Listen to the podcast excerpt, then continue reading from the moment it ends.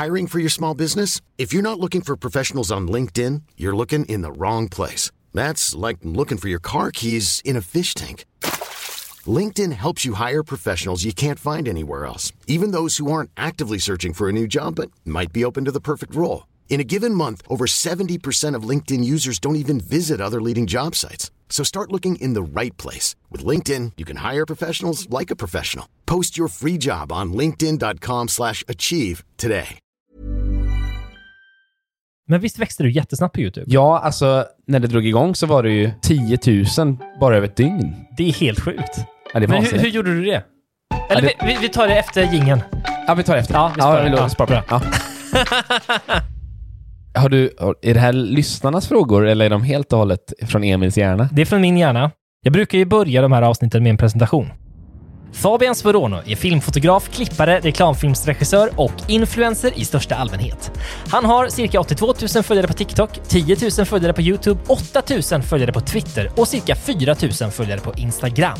Vissa känner kanske igen honom från TV4s Talang, där han var med förra säsongen. Själv känner jag igen honom härifrån mitt kontor. Vi delar nämligen kontor och har dessutom jobbat ihop på olika sätt i många år. Dessutom har han släppt musik och då tänker jag framförallt på den här låten Ränta på ränta, som är något av hans dragplåster och som har varit eh, en motor i hans TikTok-karriär. Jag har aldrig tänkt på det på det sättet, men det är verkligen så. Ja. Om någon någonsin känner igen mig, då känner de mig inte som Fabian, utan de säger det är ränta på ränta. Inte ens ränta på ränta-mannen, utan jag är ränta på ränta.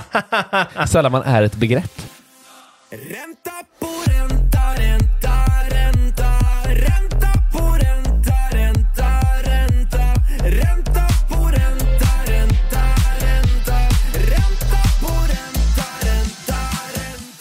Och eh, nu då är du gäst här i min podd. Just det. Hur känns det? Det känns jätteärofyllt att få vistas i samma forum som Sommarkatten och eh, chefredaktören för influens.se. Isabella Borowska. Just det, Isabella Borowska och sånt. Vi sitter i ett rum som jag väldigt ofta befinner mig i, Ja. det vill säga din studio. Ja, och där vi då spelat in vår egen podd som vi haft tillsammans. Du, jag och Daniel Norberg, min bror, som vi hade under drygt ett år i alla fall. Ja. Spelades också in exakt här, så det är, Ja, inte, precis här. det är inte ny mark. Jag måste också bara säga för lyssnarnas skull att om jag låter disträ någon gång så är det för att jag spanar in Emils sminkning. Han är nämligen sminkad till påskkärring.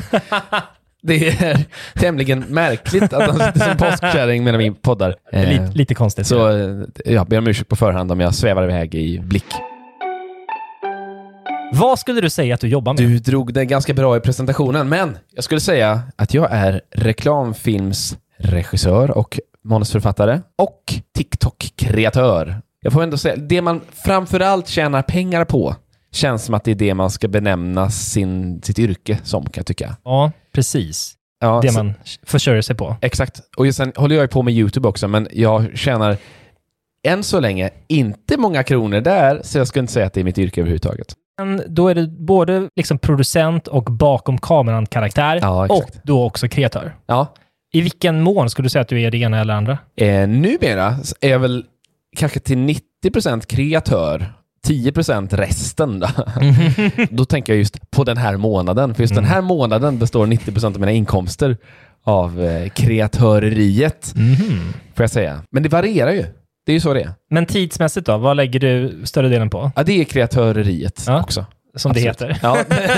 Vad är det roligaste med ditt jobb? nu drog inte jag in YouTube här som mitt yrke, men jag kommer att göra det på den här frågan. Det är Mm. lite slarvigt då, men kanske, och orent. Men det som är så härligt är att på YouTube då, och TikTok i viss mån, då, så kan man ju, eller jag kan göra ne- lite precis vad jag vill och det kan generera en inkomst. Det är sjukt, att kunna ha en idé och eh, få betalt för att bara ro i hamn den idén. Mm. Det är ju vansinnigt. Det är sagolik miljö, eller tillvaro jag har. Ja. Ska du ge ett exempel på en sån idé du har haft? Till exempel att jag åkte elsparkcykel från Göteborg till Stockholm. Mm. Det tror man inte att någon skulle betala för. Det har inte jättemånga gjort heller. Men det finns en liten inkomst där i liksom YouTube-annonser som jag fått, bara för att jag gjorde den här grejen. Mm. Och det finns också folk som vill se det uppenbarligen, eh, vilket också är en typ av inkomst och bygger varumärke. Så att jag senare kan väl ta betalt för grejer. Jag slog 10 världsrekord, eh, typ. Mm. Med betoning på typ. Typ verkligen. Och jag lät två barn med hjälp av eh, olika typer av AI-verktyg skriva en bästsäljande barnbok. Och jag har hittat en fråga som ingen kan besvara. kan du besvara frågan? Vad heter vårt solsystem? Um, Du vet ju det här för jag har sagt det till dig tidigare. Men jag jag kan spoila. Jag kan fråga lyssnarna. Ja. Ni, så här, vet ni vad, vad, vad vårt solsystem heter? Eh, skriv till mig. Mm. Nu kan de ju googla det, Ah. eh, för det här är inte livesänt. Nej, precis. Men ni kan fråga era vänner och familjemedlemmar oförberedda och se hur de reagerar och så kan ni berätta vad de sa. Ja, så kan vi göra. Och vi kan också säga vad rätt svar är, för att ni Ja. kommer ändå googla upp det. Och det är att vårt solsystem heter Kortfattat då så kan du få helt knäppa idéer och eh, få tillfälle att utföra dem dessutom mot viss betalning och Ja. mot att folk kollar på det. Precis, och även då i mitt andra yrke så att säga, att Mm. när jag gör typ reklam för Mm. grejer, om jag står bakom kameran, då är jag ofta med i manusstadie och då kan man ju också få in de här knäppa idéerna, vad det nu kan vara. Att fylla ett rum med tårtor till exempel. Det kan jag få igenom. Liksom. Kul! Otroligt. Hur kom du in i den här innehållsbranschen? Det var då år 2015 när jag bodde i Göteborg där jag kommer ifrån. Och jag gjorde YouTube-sketcher hemma, för det var det enda sätt man kunde liksom vara framför kameran på på den tiden. Då fanns inte TikTok och Snapchat och sådana grejer. Och jag blev inte så stor på YouTube, men jag blev liksom tillräckligt eh, stor för att kunna bli upplockad av ett så kallat YouTube-nätverk. Som jag sen också kunde få arbete hos. Alltså jag, jag fick jobb hos dem och de var i Stockholm, jag bodde i Göteborg, så jag kunde flytta från Göteborg till Stockholm och börja jobba med att göra YouTube-produktioner av olika slag och eh, också reklam då, kunna frilansa i Stockholm där frilanslandskapet är lite lättare att, att navigera sig runt i för att det finns mycket mer jobb. Mm, just det. Men så du hade en kanal, du gjorde innehåll, du blev upplockad av ett nätverk och fick då tillfälle att jobba. Alltså, de, de sålde inte så mycket reklam på dig kanske, men du fick jobba med... Ja, precis. Jag fick Ja. alltså, då jobbade jag som producent, heter det, så Ja. jag, var, jag var filmare och klippare. Mm. Och det var jag i fyra, fem år kanske. Och det här nätverket var...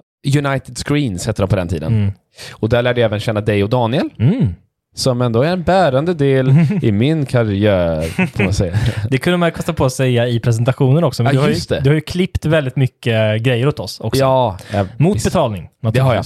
Aldrig gratis. Nej. Lite gratis. De här kallingarna jag klippte till Mello-parodierna i år, de fick jag inte betalt för. Men det var ju bra publicitet. Det var det verkligen. Vi återkommer till din egen närvaro i sociala medier. Ja. När började det ta fart? Om vi börjar med första gången när du blev upplockad av United Screens Ja. och sen nu när du har gjort din satsning som är lite mer sentida. Min första satsning då, 2015, den bestod av att jag gjorde, jag gjorde i princip bara ett klipp då, som blev, som blev liksom ganska, det blev inte alls stort så, men det var en parodi på olika YouTubers som var liksom aktuella på den tiden. Mm. Och eh, det var, jag hade turen då att alla som jag gjorde parodi på också såg det. På det sättet spreds det inom branschen, så det var kanske inte jättemånga tittare som såg det, men alla i branschen såg det. Och på så sätt kunde jag bygga ett litet namn för mig. Men det gjorde ju inte att jag kunde leva liksom på sociala medier där jag verkar framför kameran alls då. Nej. Inte alls. Men det öppnade ändå upp till att du fick anställning på ett MCN, ett Ja. YouTube-nätverk. Exakt så. Men inte alls eh, att jag kunde bli så att säga influencer. Det var liksom, eh, det ledde inte till någonting riktigt där. Eh, Men sen så när jag väl flyttade till Stockholm, då började jag liksom hålla på att göra så här, mer slappa sketcher på Instagram och gjorde det jättelänge och gör fortfarande det. Och det gick aldrig bra. Alltså det går fortfarande inte bra på Instagram. Jättedåligt. Alltså jag höll på, alltså då tänkte jag från 2015 typ när jag började till kanske 2021 Ja. typ. När TikTok blev lite mer eh, liksom en etablerad plattform i Mm. Sverige. Och då började jag göra saker till TikTok som är mycket duktigare på att pumpa ut saker till alla möjliga tittare än vad Instagram är. Mm. Och då kunde jag plötsligt börja bygga eh, publik. Så det var inte förrän jag höll på med TikTok förrän jag faktiskt kunde bygga någonting.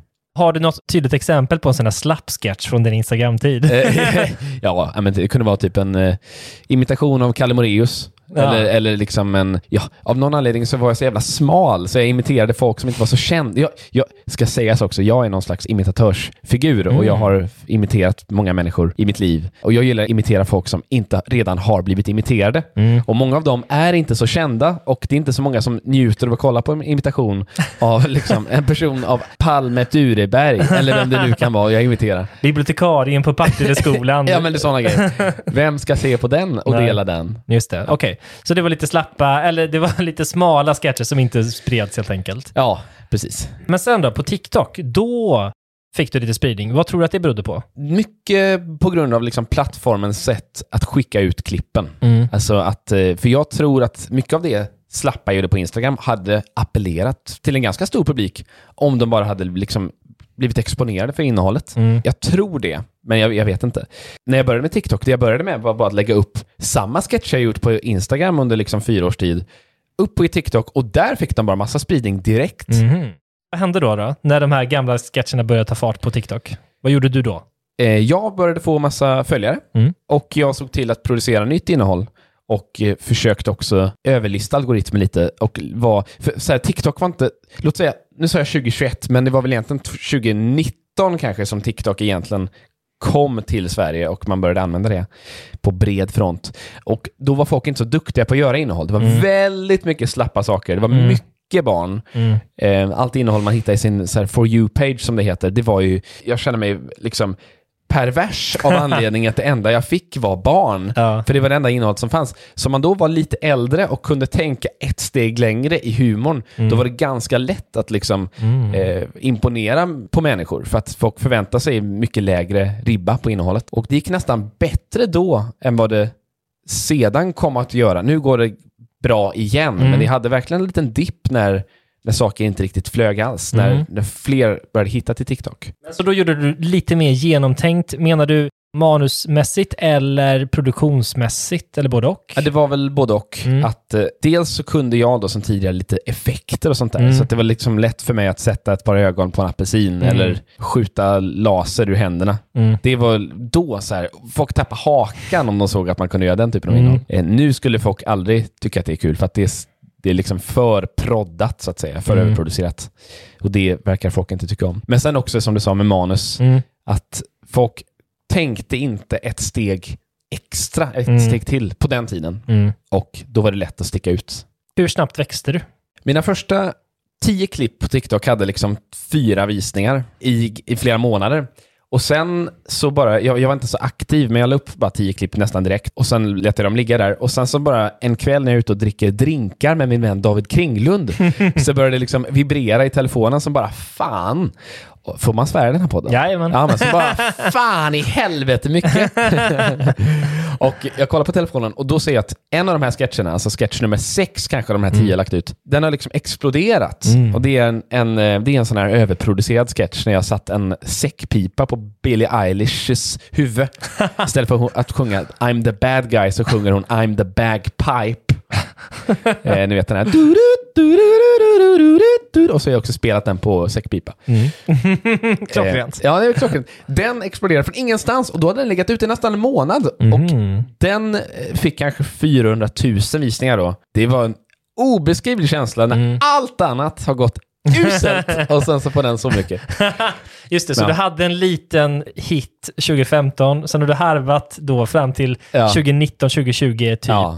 Eh, och det har inte lossnat. Och då kommer det här. Och den videon, Billie Eilish-videon, den gjorde att jag fick kanske då 4 000 följare från ingenstans. Mm. Och om man, bara, om man har lite fler följare, alltså bara snabb eh, parentes om TikTok, att fler följare behöver inte betyda att du får fler visningar nödvändigtvis. Mm. Men att ha en liten pott följare, alltså så runt 4-5 tusen, det är mycket bättre än att ha noll följare, för då når du ut till fler. Så att jag fick det här lilla paketet av 4 000 Mm. följare, det gjorde så att jag kunde, allt jag la upp därefter fick ändå lite fler visningar. Mm. Liksom. Och så kunde man börja bygga från det. Utifrån den framgången då, kunde du liksom läsa ut något framgångsrecept vad du skulle göra därefter? Jag, jag försökte göra fler sådana Billie Eilish-grejer. Fler bagpipe. Eh, Bang- Ja, Justin Bieber släppte en låt som hette Yummy. Mm. Girl you got that yummy, yummy, yummy. Och jag gjorde likadan då när jag Mm. satte Justin Biebers ansikte på, en, på olika magar och så, så att han sjöng Girl you got that tummy, Mm. som betyder mage då. Girl you got that tummy, tummy. Och den flög också, men det var så himla produktionstung Mm. att jag kände att det är kanske inte riktigt det jag vill syssla med eftersom att det också inte finns någon inkomst i det. Så det är liksom ekonomiskt svårförsvarat att Mm. lägga liksom tre dagar på en sån här video. Mm. Men då var det nog, det kanske var jag och Daniel egentligen som kom på att man skulle kunna ta alla de här trenderna som finns på TikTok Mm. och bara skruva till dem. Mm. För att trender på TikTok på den tiden, det var egentligen bara att folk gjorde exakt samma sak. Om det kom en dans som att man ska kasta en penna upp i luften, liksom, då var det bara att folk kastade den här pennan upp i luften. Folk gjorde samma grej. Mm. Men då tänkte vi, istället för att kasta en penna så kastar vi en eh, glasspinne, så att säga. Att man bara man byter på en detalj eller Mm. att den slutar annorlunda och sådär. Och då blir folk också golvade Mm. på den tiden för att de förväntar sig inte riktigt det. Mm, just det. Då fick man ganska mycket visningar på det också. Okej, så då kom du på ett till format, eller ett till angreppssätt helt enkelt, på hur man kunde göra innehåll där. Ja. Fortsätter växa, eller? Jo, det gjorde jag. Försökte komma på lite fler sådana här format för att det hör väl till alla sociala medier att man ska vara konsekvent. Mm. Man vill göra tittaren nöjd, att den ska få vad den förväntar sig om den nu trycker på ens klipp. Mm. Så att om du gör ett format, då vet ju Alltså, återkommande tittare kommer veta ungefär vad som kommer ske och det är liksom betryggande för en tittare Mm. och det gör att den kommer vilja titta på ditt klipp.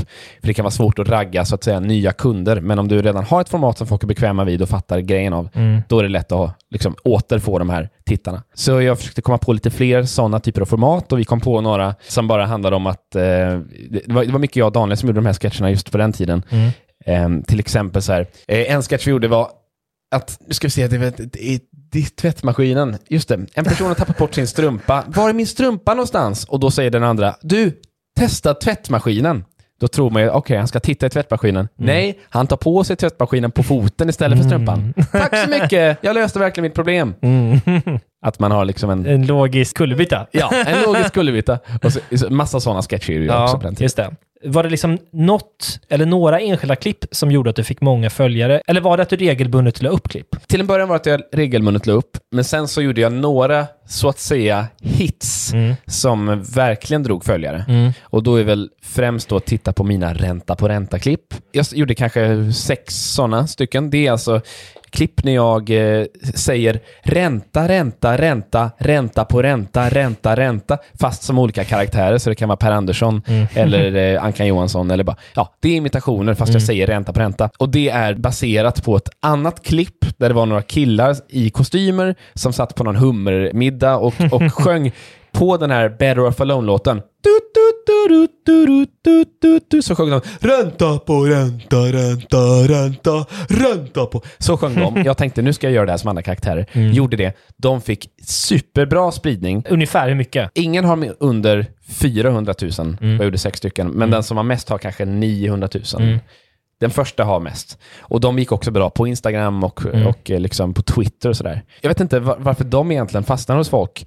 Men vissa klipp, även om de inte får sådär det var inte miljoner för, eh, visningar på de här, men de drog in väldigt mycket följare, så de växte jag väldigt mycket på. Ungefär hur mycket? Var det liksom 10-20 000 nya följare? Eller? Ja, men det kunde vara kanske 8000 nya följare per sånt klipp. Och det är ju jättebra med tanke på att jag gjorde andra klipp som kunde få viss, typ miljoner visningar, men som kanske bara drog in 100 följare. något sånt där. Just det. Jag gjorde ett annat klipp som fick nytta för mig också.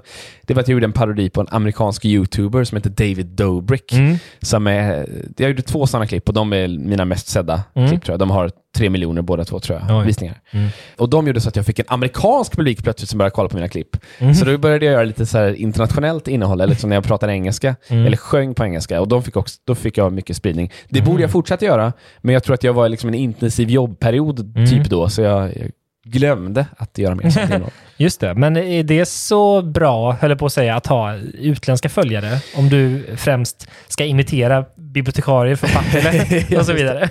Nej, det bästa man kan göra är väl att ha två konton i så fall. Så Mm. att man, man satsar internationellt på en och svenskt på en. Mm. Eftersom att i slutändan så vill du ju på något sätt tjäna pengar på det. Mm. Och om du har en massa amerikanska följare, då kan du egentligen bara samarbeta med internationella varumärken eller amerikanska. Och det är lite svårare att komma i kontakt med sådana om man bor i Sverige. Så det skulle vara bra att dela upp det i så fall. Men vem har tid att göra båda innehållen? Svaret är ingen.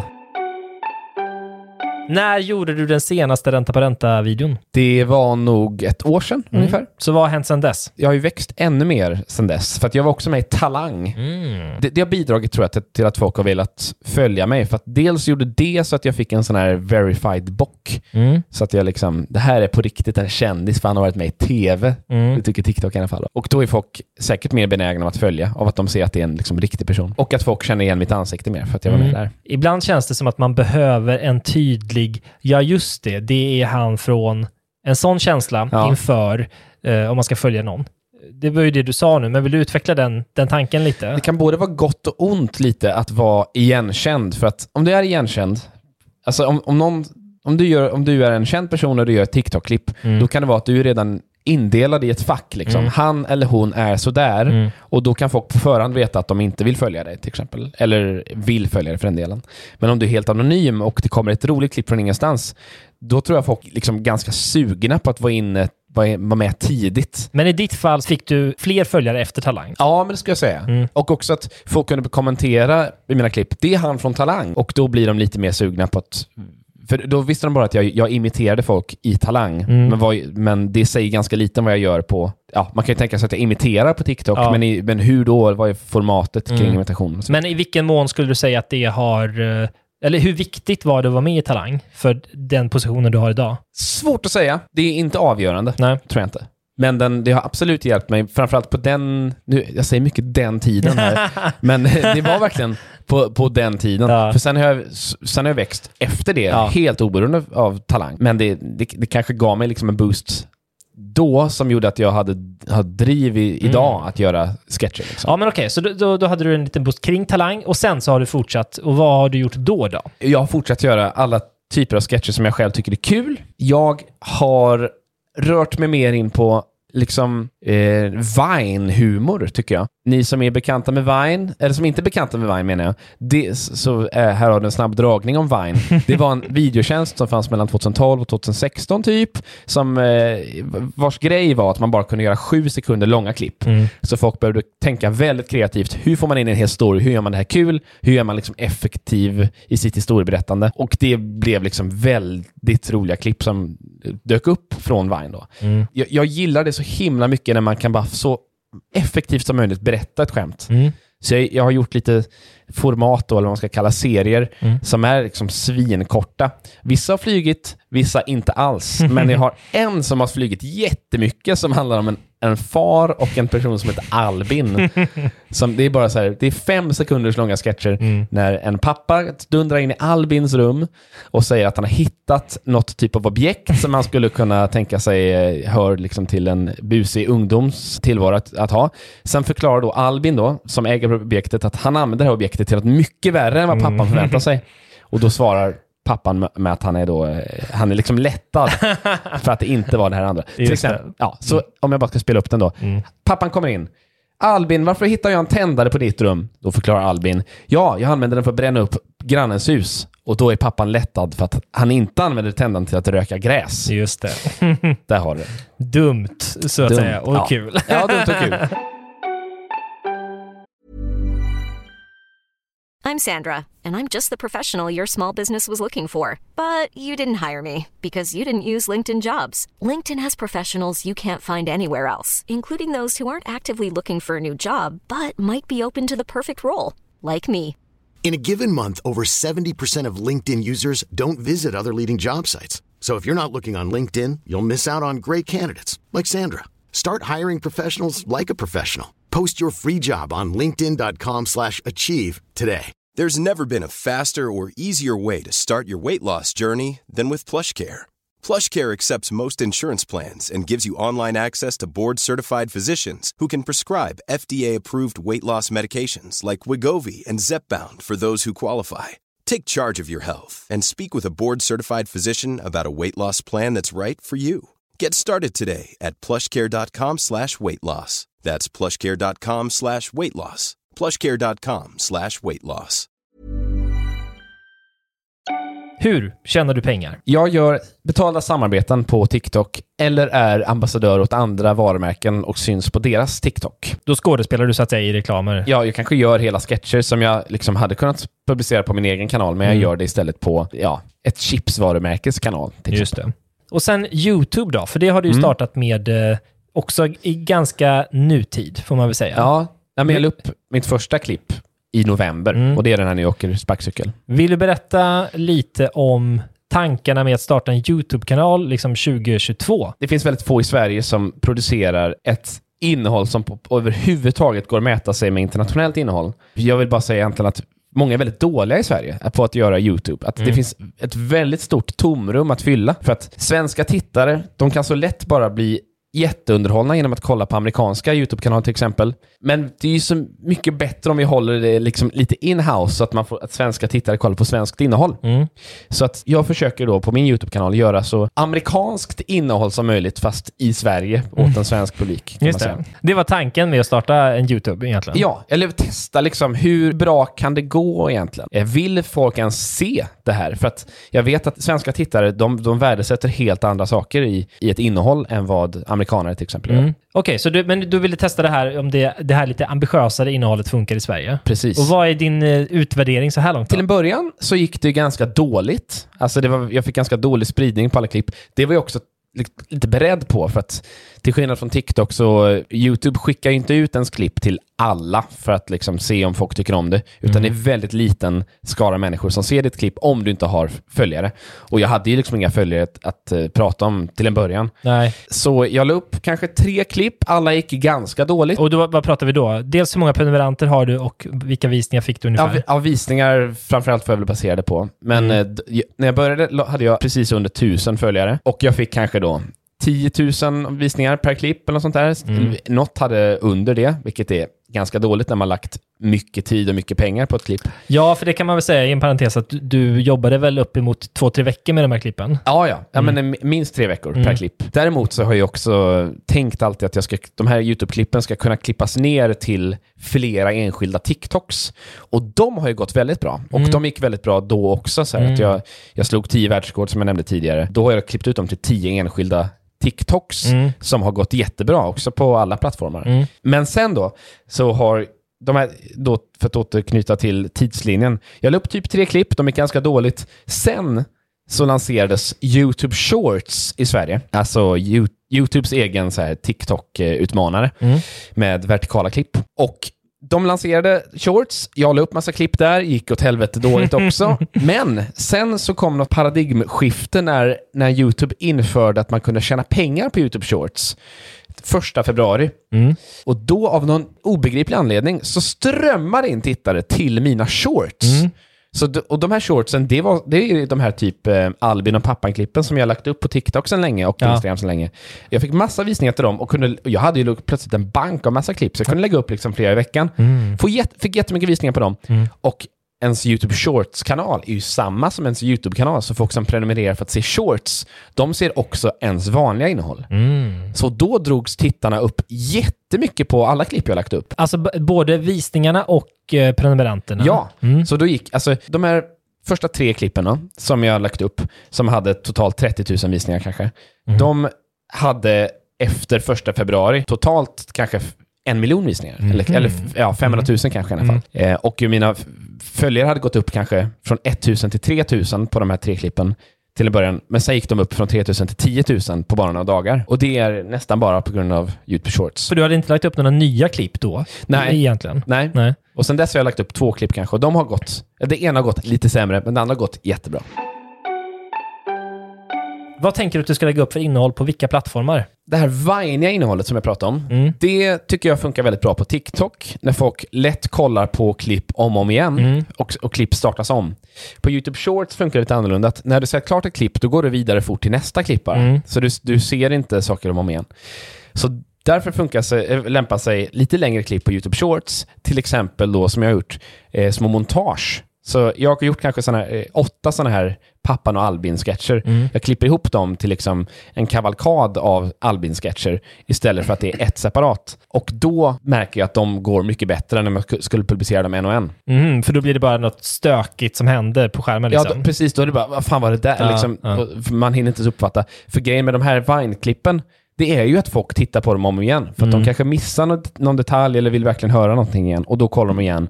Och att man kollar en gång till på ett klipp. Det älskar algoritmerna. Mm, just det. Just Pappan och Albin-sketcherna är så bra för att de börjar ju på samma sätt. Så att om jag har då, låt säga tre stycken olika sådana sketcher i följd Mm. och sen så börjar, börjar klippet om av någon anledning, då är det lätt att tro att, eh, att, det kommer är en fler, fjärde. Att det är en fjärde Mm. ny. Mm. Så då kollar folk en, på, på den första igen Mm. och sen kanske de kollar på den andra igen och sen inser de, "Ja, just det, men det här är ju samma klipp. Ja, Och sen så kanske de drar efter andra igen, men då har de ändå sett fem. ja, just det. De är inne på andra eller tredje varvet. ja, då, liksom. precis.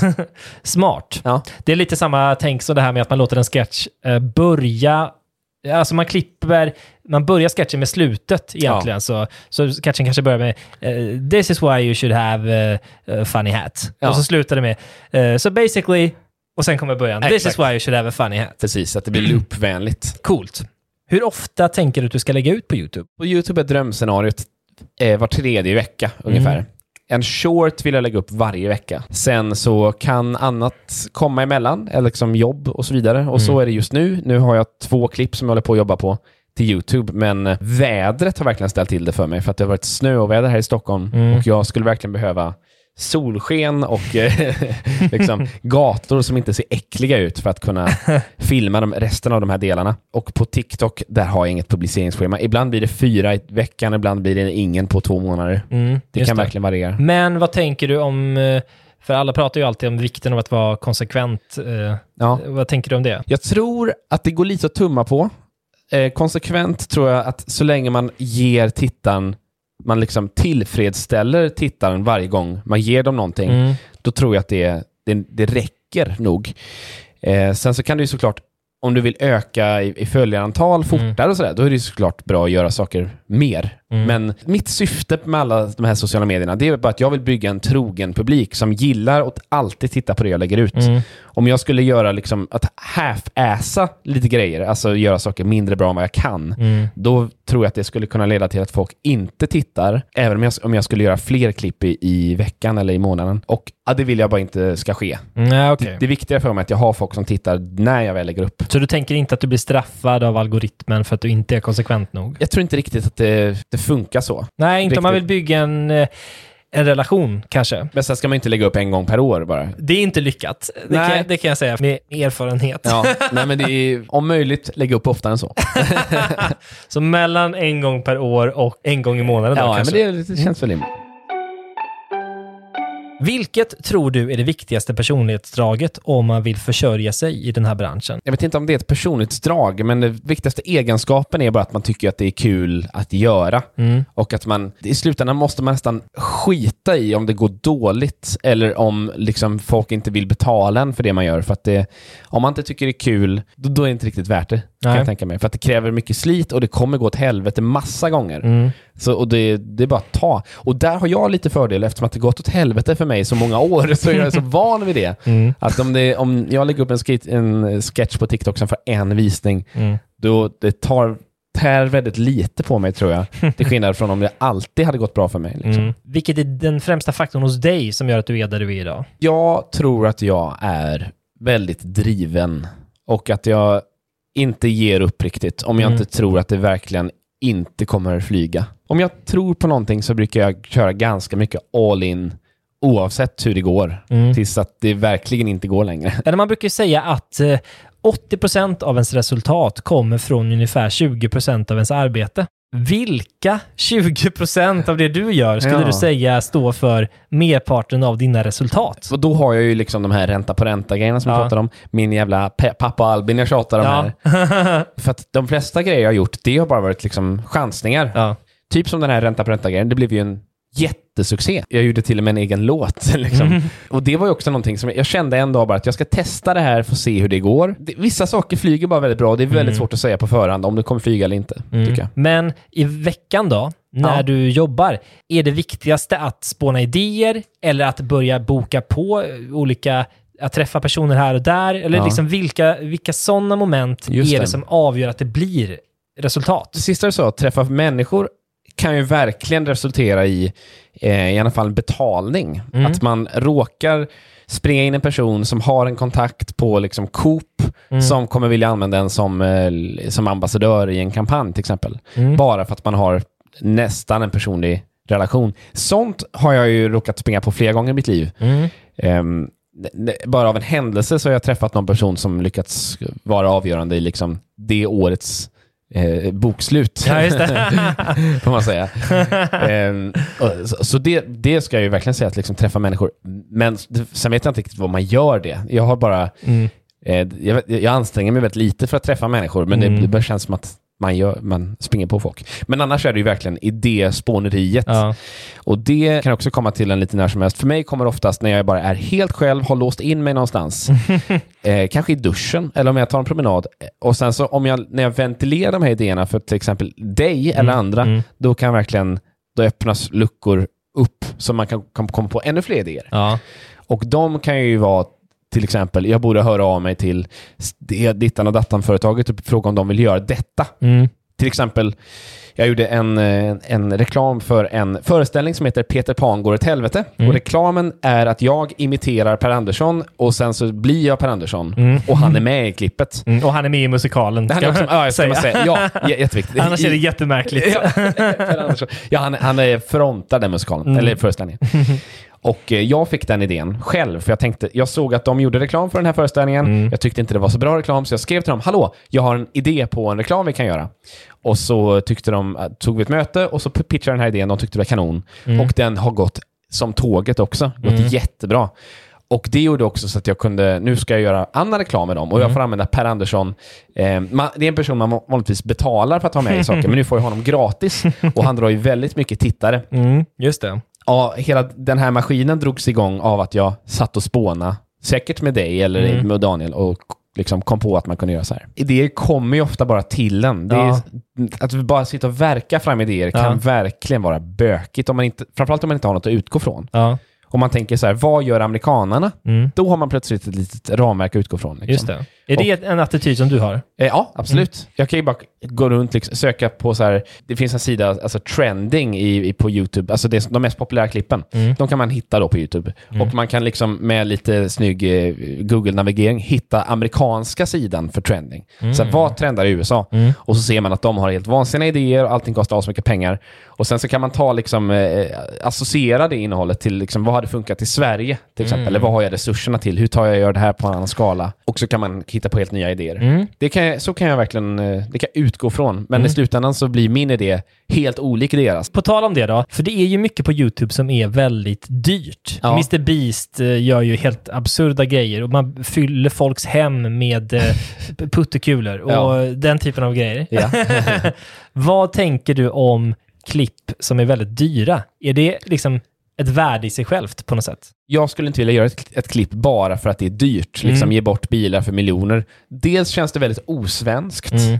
Folk skulle gen, direkt ge en kritik för liksom, att bidra till ett mättat konsumtionssamhälle.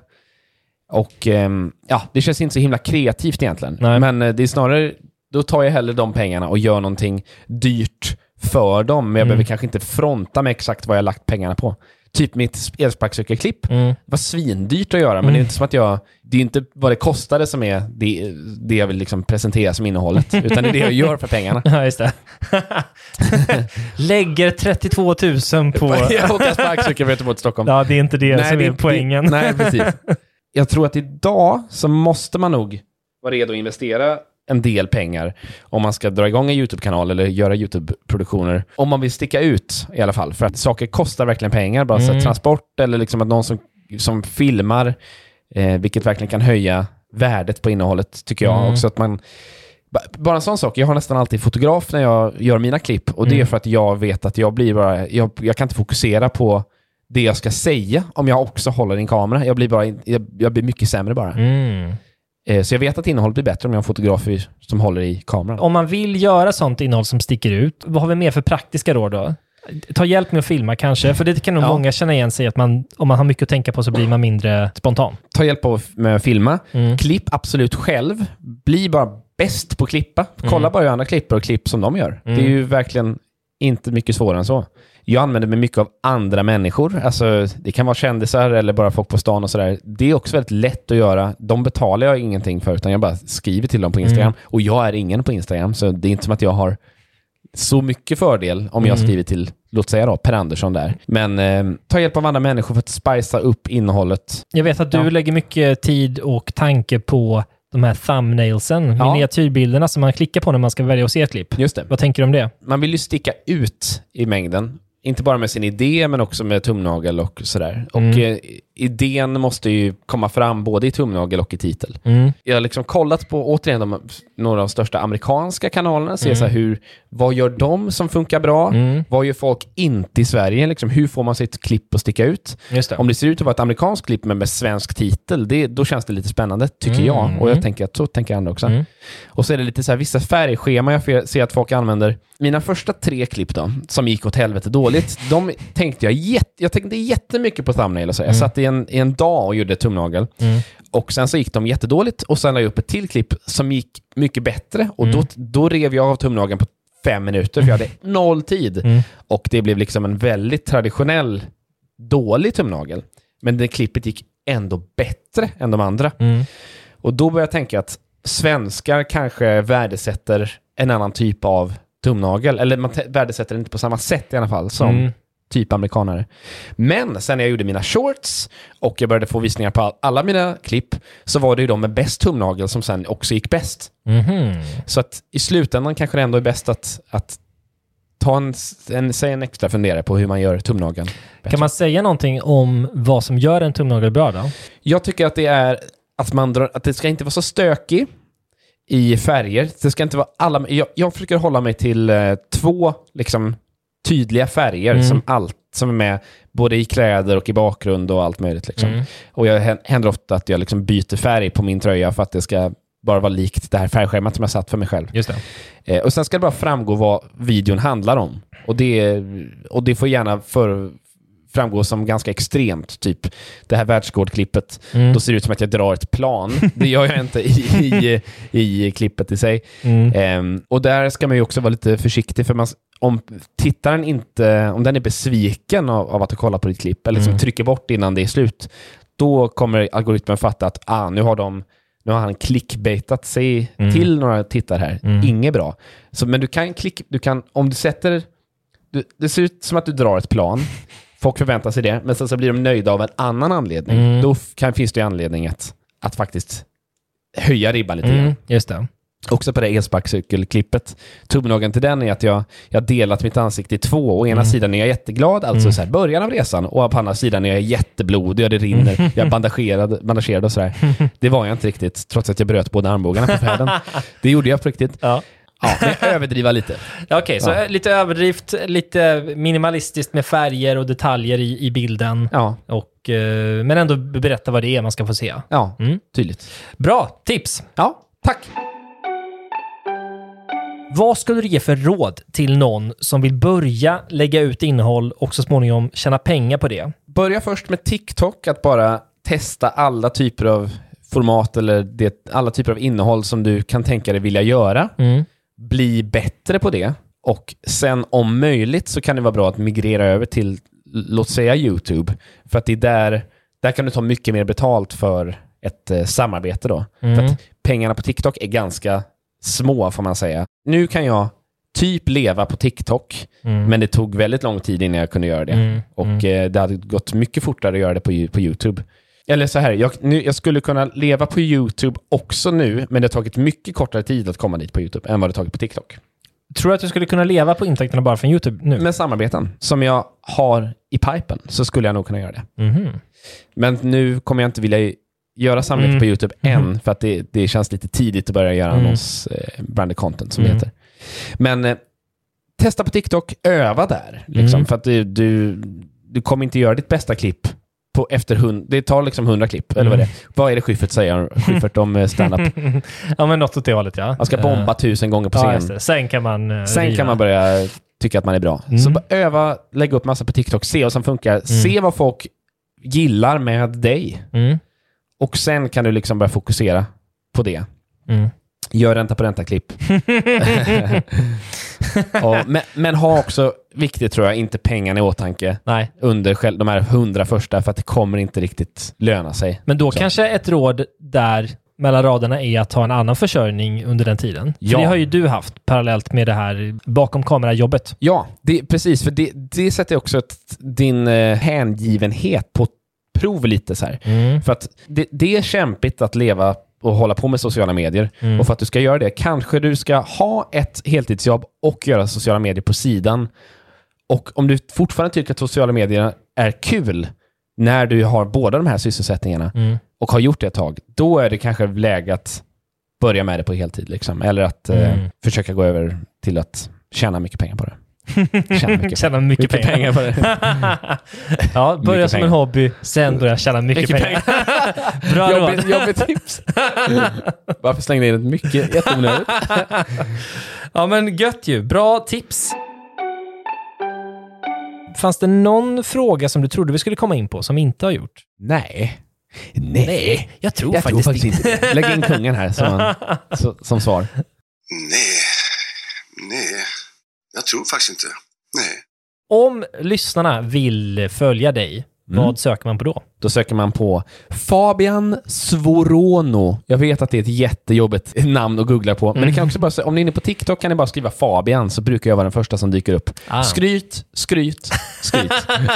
och så kan ni hitta mig på andra ställen via den kanalen. Okej, ja. Gör så. Bra, bra tips. Gött, då tackar jag dig så mycket för att du eh, tog dig tid att gå de här sex metrarna. Det var otroligt, eh, det var inte det li- lilla så att säga. Nej, det var så lite så. Ja, Kul att vara gött. med. Tack ska du ha. Hej då! Hej då, rulla jingeln!